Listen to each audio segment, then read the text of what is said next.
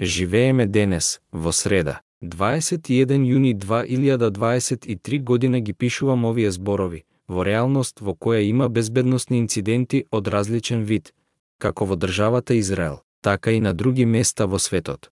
Кога човек е нападнат во таков инцидент, како што знаеме, има два можни одговори. Едниот е, се разбира, да се бориме со напаѓачите, а вториот е да побегнете.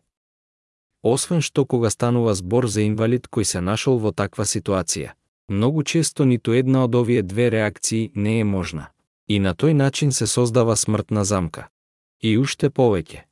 За многу инвалиди, физичката попреченост не му дозволува на лицето кое боледува од попреченост да држи пиштол за самоодбрана.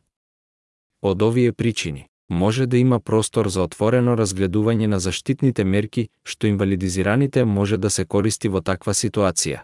И под предпоставка дека таквата заштитна мерка, доколку и кога е развиена, може да биде злоупотребена и од некој од инвалидите, бидејќи, спротивно на прифатените стигми, хендикепираното лице не е секогаш емп, коат, сиромашен или добар човек, треба да се размислува и за воспоставување критериуми за тоа кои лица со посебни потреби ќе имаат право да примаат или користат такви заштитни мерки и кои услови.